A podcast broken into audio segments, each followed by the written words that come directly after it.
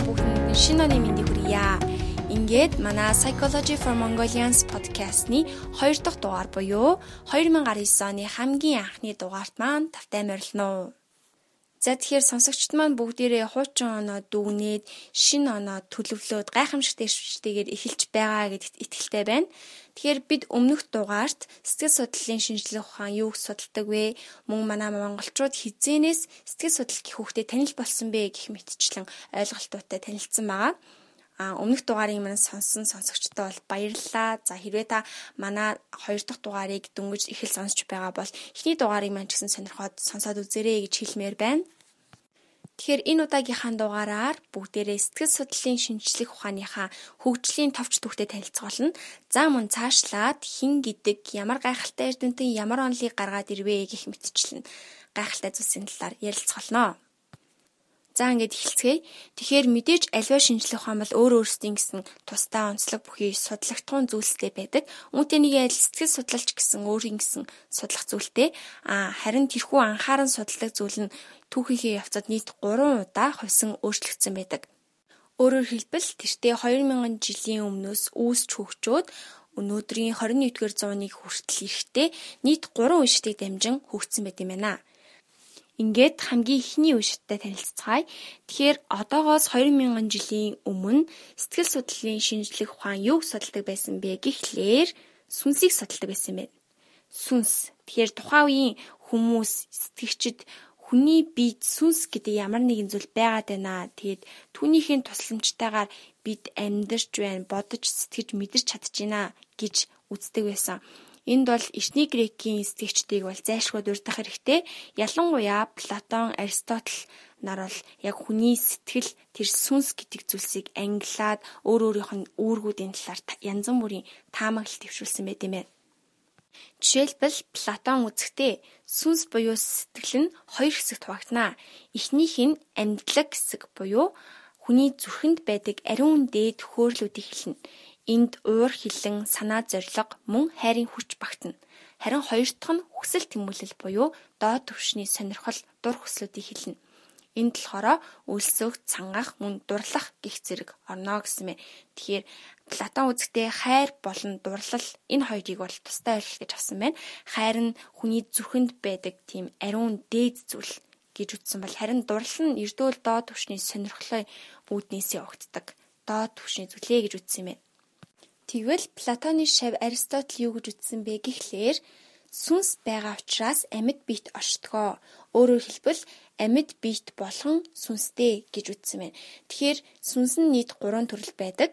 Хамгийн ихнийх нь ургамлын сүнс буюу ургахад чиглэдэг сүнс. Өөрөөр хэлбэл энэ өвс ургамал модод ургамлуудад байдаг тусдаа нэг сүнс байна. Хоёр дахь нь мэдрэгч сүнс буюу зөвхөн амтнд байдаг сүнс. Энэ нь өсөж томрох үйл ажиллагаа мөн хариу үйлдэл гадны гадаад орчныг таньж мэдрэх, зам өвчин эмгэгийг мэдрэх тийм чадвартай сүнс юм аа. Гурав дахь нь болохоор ухаалаг сүнс. Энэ нь зөвхөн хүнд л байдаг. А энэ нь мэдээж өмнөх хоёр сүнсэнд байдаг бүхий л чадварууд байдаг. Нэмэгдээд юу нэмэгдэж байна вэ гэхээр ямар нэгэн зүйлийг эргцүүлж бодох тэр ухаалаг бодлууд түүгээр ялгарч байгаа гэж үзсэн байна. Аристотлийн энэхүү амьд биет бүхэн өөр өөрсдийн гэсэн сүнстэй а гэхдээ тэр сүнс нь яг ямар хуу чадвартай ямар чадамжтай амьд биет вэ гэдгээс шалтгаалаад өөр өөр байдгаа гэсэн ойлголт нь тухайн цаг үедээ нэлийн шинэлэг гайхалтай санаа байсан байна л да. Энэ мэтчлэн сүнсний талаар төрөл бүрийн ойлголтуудыг янз бүрийн санааг бол төвшүүлсээр байсан. За тэгээд 17 дугаар зууны хүртэл сүнсийг сэтгэл судлал судалдаг байсан бол 17 дугаар зуунаас эхлээд байгалийн шинжлэх ухаан эрчимтэй хөгжснөөр сэтгэл судлалын дараагийн судлах болсон зүйл нь ухамсар болж хувирсан юм. Ерөнхийдөө энэ үеэс эхлээд хүмүүс өөр өөрсдийнхөө талаар илүү их сонирхож судлах болсон. Хүн ерөө яагаад боддtiin бэ? Хүн хэрхэн яаж юмсыг мэдэрдtiin бэ? Хүний тэр хүсэл тэмүүлэл нь яг чухамдаа юу юм бэ? Оюун санаа За тэгээд яг яаж бид нэр сэтгэдэм бэ гэх мэтчлэн эдгээр асуултуудын хариултыг олохын тулд гайхалтай эрдэмтэд философчид өөр өөрсдийн гэсэн санаануудыг төвшүүлэх болсон. За жишээлбэл сууц сэтгэгчид байна. Ницше, Лебниц, Гёте, Рене Декарт, Спиноза, Джон Лок гэх мэт эдгээр эрхмүүд нь хүний ухамсар, сэтгэхүй, сүнс За тэр сэтгэл хөдлөлийн талаарх өөр өөрсдийн гэсэн санаануудыг төвшүүлсэн байдаг. Тэгэхээр энэ нь цаашлаад рационализм, позитивизм, за сенсуализм мөн романтизм гэх мэтчлэн тий эдгээр хандлагуудыг гаргаж ирсэн. Энэ хандлагууд нь биднэрт яаж нөлөөлсөн бэ гэхлээр хүнийг судлах асуудал чинь өөрөө илүү их шинжлэх ухааныхаа тал руу болж эхэлсэн байгаа. Тэгэхээр энэ нь мэдээж цаашлаад яг өнөөдрийн орчин үеийн сэтгэл судлалын онолын суурийг тавихад тусалсан байгаа. Тэгэхээр ухамсарыг судлах шинжлэх ухаан байж байгаад 3 дугаар үедээ буюу 20 дугаар зуунаас эхлээд сэтгэл судлалын шинжлэх ухаан нь зан үлийг судалдаг шинжлэх ухаан болсон байгаа. Яг энэ үед шинжлэх ухаан маш их эрчимтэй хөгжиж байсан учраас судлаачид амтны зан үлийг ажиглаад за амтан дээр төрөл бүрийн гайхамшигтай туршилтуудыг хийгээд түүнээс гарсан үр дүнгээр нь хүний зан үлийг тайлбарлаж хүний зан үлийг бас судлах болсон байгаа. Мэдээж одоо ч гэсэн амтны зан үлийг сонирхон судалдаг. За тэгвэл өнөө цагт сэтгэл судлалын шинжлэх ухаан нь зөвхөн зан үлийг судлаад зогсохгүй сэтгэц мөн сэтгцийн процесс буюу оюуны үйл ажиллагааг сонирхож судалдаг болсон байгаа. Ялангуяа тэрхүү сэтгцийн үйл ажиллагааны бие организмын физиологи үндсийг нь судлах, тайлбарлах оролдлогод хийгцээр байгаа юм. Зарим номонд бол сүүлчийн зан үйл ба сэтгцийн процессыг хамтд нь нэг үе буюу 3 дугаар үе гэж авч үздэг байла харин заримд нь салгаад 3 4 дугаар үе гэж тусна ангилж авч үздэг. Товчондоо ийм үе шатуудыг туулсаар өнөөдрийг хүрсэн юм байна. Өмнөх дугаард хэлсэнчлэн сэтгэл судлал нь хамгийн эртний түүхтэй боловч хамгийн залуу шинжлэх ухаан гэдгийг та санаж байгаах. Яагаад хамгийн эртний түүхтэй гэж хэлсэн бэ гэдгийг эндээс ойлгосон гэж найдаж байна. А харин одоо хамтдаа яагаад хамгийн залуу шинжлэх ухаан гэж хэлсэн бэ гэдэг талаар мэдцгээе. 1879 онд Германы Лейпциг хотын их сургуульд Вильгельм Вундт хамгийн анхны сэтгэл судлалын лабораторийг нээснээр сэтгэл судлалын таниж мэдсэн мэдлэг мэдээллийг практикт судалж ашиглах боломжтой юм байна. Тиймээс энэ нь аль бие усны шинжлэх ухаан мөн гэж хүлээн зөвшөөрөх болсон юм байна. Вильгельм Вундт болон түүний шав Эдвард Брэдфорд Тичнер нар хүний бие физиологийн гэсэн нарийн бүтцтэй байдаг юм чинь яагаад тарих сэтгцэн ч гэсэн мөн адил тодорхой бүтцтэй байж болохгүй гэж гисэн санааг төвшүүлсэн байна. Оюун ухааны бүтцийг судлах гэж оролцсон энэхүү хандлагыг структурализм гэж нэрлэдэг. Тэд лабораторитой туршилтанд оролцогчдод янз бүрийн ай сонцгож, төрөл бүрийн үнэр үнэртүүлж, төрөл бүрийн амтыг амтлуулад Жишээлбэл та мандаж буй нарыг харах үедээ яг юу мэдэрдэг вэ? Аль эсвэл саяны үнэрсэн кофег үнэртэхэд танд юу мэдрэгдэв? Эсвэл янз бүрийн амтыг мэдрэх үед танд яг юу мэдрэгддэг вэ? Энэ мэтчлэн асуултуудыг асуугаад оролцогчдоос авсан хариултуудаа тэмдэглэн тэрхүү тэмдэглэлээсээ хүний ухамсарыг бүтээдэг нийтлэг элемент бүтцийг олж харахыг хичээж байсан юм. Гэвч харамсалтай нь энэ нь маш олон сул талтай арга байлаа. Учир нь оролцогч өөрийн бодлоо ажиглах интроспекцийн аргыг ашиглах нь хитрхи субъектив байсан хэрэг. Жишээлбэл хоёр хүнд яг адилхан шоколад өгөөд зэрэг идлээч гэсэн тэдэнд төрөх мэдрэмж нь өөр өөр байх боломжтой юм. Тиймээс энэхүү структурализмын хандлага нь богинохон настай байсан хэрэг. Харин Америкийн философч сэтгэгч Уильям Джеймс структурализмын аргыг нэгцэн түүний оронд бид яг яагаад бодож сэтгэдэг вэ? Бид яагаад мэдэрдэг, яагаад үнэрлэдэг вэ гэх мэтчлэн өөр асуудлуудын талаар анхаарч байлаа. Вильгельм Вундт яг юу мэдэрдэг талаар нь анхаарч байсан бол харин Вильям Джеймс яг яагаад мэдэрдэг талаар нь цаад учир шалтгаан өөрийнх нь талаар судалдаг байсан юм. Энэхүү онолыг функционализмын онол гэж нэрлэдэг. Түүний энэхүү санаа нь Чарльз Дарвины хувьслын онолоос тулгуурлан хөгжсөн байдаг. Оюун ухаан нь байн хувьсаж хөгжиж мөн тасан цогцох чанар нь чухал гэдэг талаар онцлсан байт юм байна. Джеймс 1890 онд The Principles of Psychology гэх номоо гаргасан ба тэрхүү номондоо сэтгэл судлал нь сэтгэхүүн тухай шинжлэх ухаан юм хэмээн тодорхойлсон байдаг. Уильям Джеймс хожим нь Америкийн сэтгэл судлалын эцэг гэж нэрлэгдэх алдар нэрийг түүнд өгсөн олон гайхамшигтай судалгаа шинжилгээгээ хийж байсан яг тэр үед Австрийн Вен хотод нэгэн сууц сэтгэгч өөрийн алдарт онолыг боловсруулж байв. Тэр бол мэдээж та бидний сайн мэдих алдар сэтгэл судлаач Зигмунд Фройд юм. Тэрээр сэтгэл судлаач мөн сэтгэл мэдрэлийн эмч байсан юм. 1885 оноос түүний сэтгэл мэдрэлийн эмчийн гараа эхэлсэн ба Францад алдарт мэдрэлийн эмч Жан Мартин Шаркогийн удирдлагын дор судалгаа шинжилгээ хийж байсан тэр үед Шарко эмч өөрийн стеригийн хүчтэй өвчтнүүдээ ховсын аргыг ашиглан эмчилж байсан байна. Энэ нь Фрейдэд маш их сонирхолтой санагдаж, хожим нь өөрийн найз хамтран сэтгэгч Йозеф Брештэй хамтран стеригийн судалгаа гих бүтээлээ гаргаж байв. Доктор Йозеф Брерийн Анна О гэх өвчтнөө эмчилж байх явцдаа гаргаж олж нээж авсан Talking Cure гэх эмчилгээний арга нь Фрейдийг бүр мөсөн өөрчилсөн юм.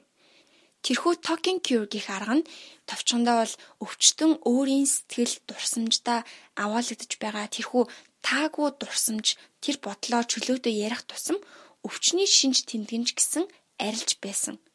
Яг үүнээс үндэслэн Фрейд өөрийн психоанализийн эмчилгээний аргаа боловсруулсан байдаг. Тэрээр эхэндээ өвчтнөө ховстож түүний ой санамжинд дарагдчихсан байсан таагүй дурсамжуудыг сэргийн сануулж байсан байна. Харин тэрхүү таагүй дурсамжууд нь тухайн өвчтний сэтгцийн өвчтний гол шалтгаан болж байгаа гэдгийг анзаарсан юм. 1900 онд гаргасан Зүудний тайлал гэх номондоо Фрейд өөрийн психоанализийн эмчилгээний аргыг дэлгэрэнгүй танилцуулсан байдаг. Фрейдийн хүн төрөлхтөнд танилцуулсан бас нэгэн гайхамшигтай санаа нь ухамсаргуун талаар юм. Бидний амьдралын үйл ажиллагаа, бидний зан үйл ухамсарт танигддаггүй, мэддэггүй тэр нэгэн ухамсаргүй гих зүйлсийн нөлөөгөөр удирдагдж, хэлбэржиж, өөрчлөгдөж байдгаа гэх энэ санаа нь тухайн үедээ маш шинэлэг, маш гайхалтай бололт амжилт байсан юм. Цаашлаад Фрейдийн боловсруулсан олон онол нь бидний хүүхэд нас, зүүд, ухамсар, хувь хүн, бэлгийн амьдралын талаарх ойлголтыг өөрчлөхөд хүргэсэн юм. Эндээс түүний нийсэн хамгийн гол онцлог зүйл нь юу вэ гэхээр сэтгцэн эмгэгтэй хүмүүсийг эмчлэх аргыг шинжлэх ухаанчаар судалж боловсруулсан явдал юм. Учир нь эндээс өмнө сэтгцэн эмгэгтэй хүмүүсийн талаар шинжлэх ухааны үүднээс тодорхойлон судалсан судалгаа шинжилгээний ажил тэр бүр байгаагүй хэрэг. Анх харин Фредийн гаргаж боловсруулсан энэхүү психоанализийн эмчилгээний арга нь өөрийн гэсэн үр дүнгээ өгч сэтгцэн эмгэгтэй хүмүүсийн заримыг нь эмчлэхэд тусалж байсан юм. Фрейд маш их тамхи татдаг байсан ба тэрээр тамхи татах нь өөрийнхөө бодлыг төвлөрүүлэхэд тусалдгаа гэж найдаж байсан юм. Харамсалтай нь тамхи түүнийг хор тавтартай болгоход хүргэсэн. 83 наснд түүний хор тавдар нь маш их дамжирсан учраас тэрээр эмч найзаасаа гуйн өөртөө морфин их хэмжээгээр тариулан нас барсан байна. Түүний онол үзэл баримтлалыг шүүмжлэх хүн өнөөдөр ч гэсэн маш олон байдаг. Гэхдээ барууны соёл урлаг ер нь бүхэл салбарт Фрейдийн нэр нөлөө үргэлж холбоотой байдаг. Энд сонирхуулахад жишээлбэл Титаник киног бид бүгдээрээ мэдэн шүү дээ. Титаник кинон дээр Роуз Титаник хөлөгт суусан эхний хэсэгтээ Фрейд хэмээх хэрхмийн зохиолуудыг та уншсан уу? Их сонирхолтой шүү гэсэн хэсэг гардаг. Сонирхож байвал та дараа нь Титаник киног үзэхдээ анзаараад үзээрэй. Магадгүй найруулагч Джеймс Кэмерон Фрейд гэх хэрхмийн баруунд ямар их нөлөөтэй байсан бэ гэдгийг нь кинонд багч гисэн харуулахыг зорьсон байж болох юм. За тэгэхээр дараачийн томоохон үзэл хандлага нь 20 дугаар зууны эхэнд гарч ирсэн behaviorism юм.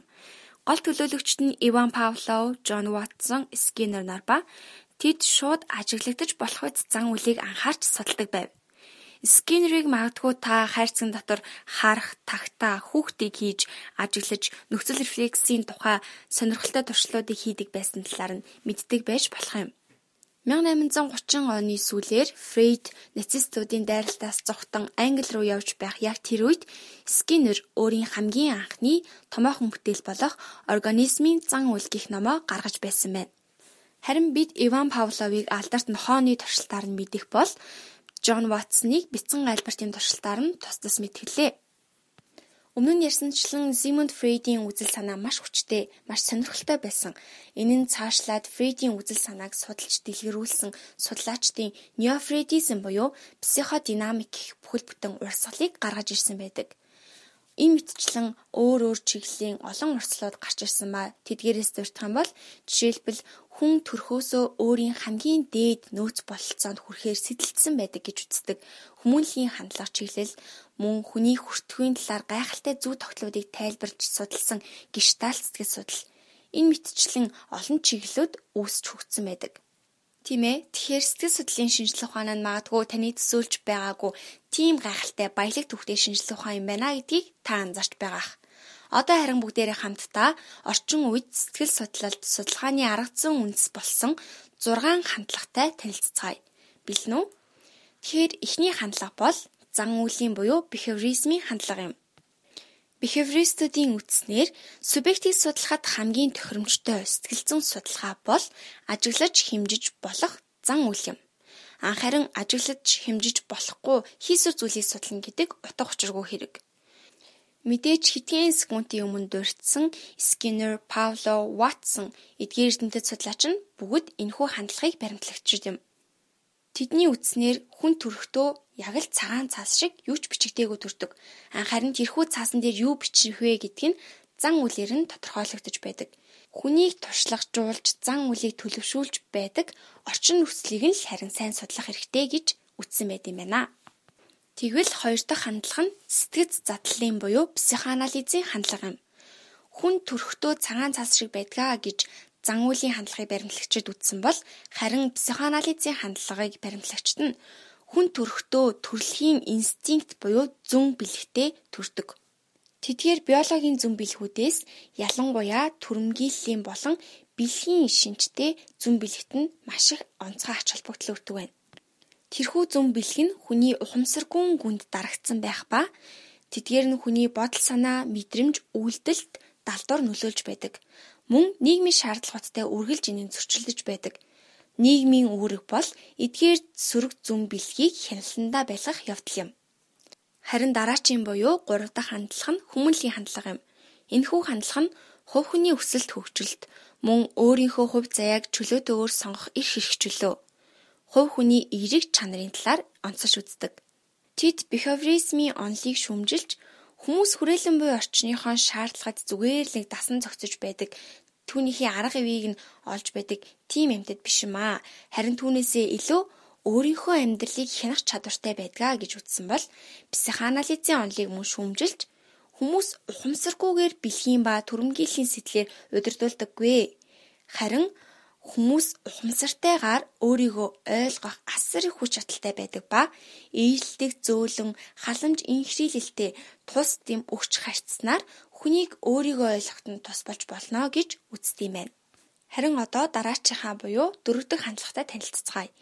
Дараагийн хандлага нь танин мэдхүн буюу когнитив хандлага юм. Бид альваад яаж анхаарал хандуулдаг вэ? Гадаад орчноос яаж мэдээлэл хүлээн авт юм бол эсвэл яаж дурсан санаж бодож шийдвэр гаргах юм болоо. Энэ мэтчлэн танин мэдхтэй хамаатай оюуны үйл ажиллагааг онцолж үздэг хандлагыг танин мэдхүй хандлага гэж нэрлэдэг. Эдгээр хандлагыг баримтлагчдын үзнээр оюун ухаан бол асуудал шийдвэрлэх идэвхтэй систем юм. Тэгэхээр психоанализийн буюу сэтгэц задлалын хандлагаас илүү өөдрөг гэж хэлж болох энэ хандлага нь хүний оюуны үйл ажиллагаанд зан үлийг хянаж байдгаа гэж үздэг. Психоанализ шиг бидний зан үйл цаанаасаа өгсөн ухамсаргүй гэх зүйлсээр хэлбэржиж удирдагдж байдаг биш а харин бидний өөрсдийн оюуны үйл ажиллагаа тэр ухамсарт байгаа тэрхүү үйл ажиллагаагаа сайжруулж тэрийгээ тасгалжуулах юм бол бид өөрөө өөрсдийнхөө гаргаж буй зан үлээ бүрэн хянаж удирдах чаднаа гэж үздэг гэсэн үг. Дараачийн орчин үеийн сэтгэл судлалын судалгааны арга зүйн үндэс болсон хандлага бол нийгэм соёлын хандлага юм. Энэ нь соёл, угсаа, хүүс нь хүний зан үйл, бодол санаа, сэтгэлийн хөдөлгөөнийг ойлгоход голлох нөлөөтэй гэж үздэг хандлага юм. Мэдээж бидний мэддэгчлэн тухайн нэг угсаатны соёл нь нэг үеэс нөгөө дамжихдаа ёс заншил, хувцас, хөгжим, За альсвал амьдралын хэв маяг гих зэрэг тэтгэр зүйлсээр нь хадгалагдсан дамжиж байдаг. Тэгвэл тэр нэг бүлэг хүмүүсийн итгэл үнэмшил зан үйлтэй нь тэрхүү соёл нь шууд холбоо хамааралтай байдгаа гэж үздэг юм байна. Энэхүү хандлагаар бол нэг ижил соёлтой, нэг ижил итгэл үнэмшилтэй бүлэг хүмүүсийн гаргаж буй зан үйл нь эсвэл суралцаж байгаа байдал нь ч гэсэн хоорондоо ижилхэн байх магадaltaй гэж үздэг гэсэн үг. За харин хамгийн сүүлийн буюу хамгийн сонирхолтой бас нэгэн томоохон хандлага нь бол нейробиологийн хандлага юм. Энэхүү хандлага нь бусад хандлагуудыг бодох юм бол харьцангуй сүулт үүсч хөгжиж гарч ирж байгаа ийм хандлага байгаа. Тэгэхээр сэтгэл судлалын шинжилгээ ухаанд дэрэгдээд байгаа тэрхүү сэтгэлийн хөдлөл, бодол санаа, мэдрэмж, зан үйл гээд эдгээр зүйлсийг ойлгоход тарих мэдрэлийн систем гол үүрэгтэй гэдгийг онцолж үздэг. Нейросайенсийн шинжлэх ухаанчид, нейробиологчид бодол санаа бүхэн тархинд физик үндсэлтэй гэдэгт итгэдэг. Хүний гайхмаар чадварууд тархихгүйгээр илэрх боломжгүй. Хүний тархи мэдрэлийн тогтолцоо нь мэдээж маш нарийн түүхтэй ээдрээтэй бүтцтэй. А харин энэхүү ээдрээтэй бүтцийн цаана хүний бодол санаа үйлдэлүүдийн анхдагч шалтгаан оршин байгаа гэж тэд үздэг. За тэгэхээр сонсогчд маань орчин үеийн сэтгэл судлалын судалгааны үндэс болсон 6 хандлагатай танилцлаа.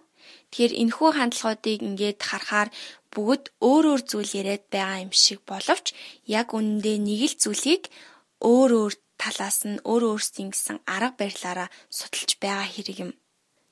Бидний мэдгчлэн сэтгэл судлалын шинжилгээ ухааны өнөөдрийн албан ёсны тодорхойлолт бол зан үйл ба сэтгцийн процессыг судалдаг шинжилгээ ухаан юм.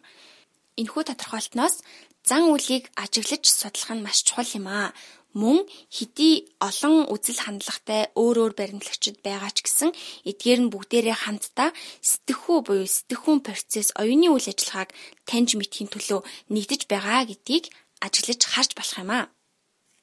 Тэгэхээр түрүүн дуурьдсан нейробиологийн хандлагын талаар баг зэрэг ярилцъя. Олон жилийн турш маш олон судлаачид эрдэмтэд хүмүүсийг яагаад бодож сэтгэдэг бэ? За яг яаж мэдэрдэг вэ? Тэрхүү үйл ажиллагаанд хэрхэн яаж явагддаг талаар өөр өөрсдийн гэсэн олон онол санаануудыг дэвшүүлж төрөл бүрээр таамаглаж байсан. А гэтэл өнөөдөр буюу орчин үед нейросайенсийн шинжилгээ ухааны тусламжтайгаар бидний үргэлж хайсаар байсан тэрхүү асуултуудын хариулт олдож эхэлж байгаа гэж хэлж болно. Ерөнхийдөө бол бидэнд байгаа энэ тарих гэдэг эрхтэн маань маш гайхамшигтай, гайхалтай, хүчин чадалтай ийм эрхтэй юм аа. Бид энэхүү тарихаа сайн судлаад байх юм бол бид нар яг яаж бодож сэтгэдэг бэ? Бид нар хэрхэн яаж ямар нэгэн зүйлд анхаарлаа төвлөрүүлдэг вэ? Эсвэл бид яагаад сэтгэлээр унаад байдаг вэ? Аа аль эсвэл сэтгэлээр унсан тохиолдолд сэтгэлийн хөдөлгөөн нь дээшээ доошоо тий савлсан тохиолдолд бидний бие физиологт яг ямар өөрчлөлт гардаг вэ гэдг нь бүгд өнөөдөр баг багаар тодорхой болж эхэлж байгаа гэсэн үг. Тухайн хүний тархийг нь л судлаад тэр хүн яг одоо гуниглаж байна, уурлаж байна, за тэр битэл өлсөж байна, цангаж байна гэх мэтчлэн тэр тархины гадна хаана цахилгаан идэвхжил явагдаад байна, ямар гормон хэр их хэмжээтэйгээр ялгараад байна. Эдгээрийг нь судлахад л тухайн хүний сэтгцийн байдал, сэтгхүүн өөрчлөлтийг нь ч гэсэн харах боломжтой болсон ийм гайхалтай шинжилгээ ухааны дэвшилттэй үед бид өнөөдөр амьдарч байна. Тиймээс яа харахгүй нейросайенсийн шинжилгээ ухааны хөгжил нь сэтгэл судлалын хөгжилд ч гэсэн маш их хувь нэмрээ оруулж байгаа гэдгийг энд дуртхан зүйтэй болов. За тэгээд энэхүү дугаарынхаа төгсгөлд та бүхэнд яг одоо танд надад бидэнд бүгдэнд ямар гайхалтай зүйл байгаа вэ гэдгийг харуулсан нэгэн жишээг энд дурдъя. Тэгэхээр Харвардын астрономч Овен Гингрич гэдэг хүн маш олон жилийн турш ерөөсөө бүхэл амьдралынхаа турш сансар огторхуйг судалж сансар огторхун аливаа үзэгдлийг тайлбарлах гэж хичээж бүхэл амьдралаа астроном буюу те сансар судлалт зориулсан хүн юм байна. Тэгэд энэ хүн юу гэж хэлсэн бэ гэхээр тэрээр одоогоор нийт сансар огторгууд мэдэгдэж буй хамгийн хэцүү судлахад төвхтэй тайлагдшгүй физикийн бит бол хүний тарих юм а гэж хэлсэн байна. Тэгэхээр бидний нөгөө судалж гайхшиж дуустдаггүй тэр сансар огторгон олон нээлтүүд байна тий хамаг нууцлаг гайхамшигтай зүйл тэнд байгаа гэж бодоод идэг. Тэр холоо судлаад байдаг зүйлс маань харин ч бүр тэндээс илүү их комплекс, илүү хэцүү тайлагдшгүй тэр зүйлэл яг одоо танд надад бидэнд бүгдэнд нь нэг нэг заяачихсан байгаа. Энэхүү тарих гэдэг эрхтэн юм биш үү дээ. За тэгэхээр гайхамшигтай биш гэж үү? Ингээд энэхүү гайхамшигт бэлгээ хэрэгтэй мэдээлэл мэдлэгээр цэнгэлэхээр сэтгэл судлалын шинжилгээ ухааныг сонирхон манай подкастыг сонсож байгаа сонсогч бүхэндээ маш их баярлалаа. Ингээд дараагийн дугаар хүртэл түр баяртай энэ удаагийн дугаар маань энэ хүрээд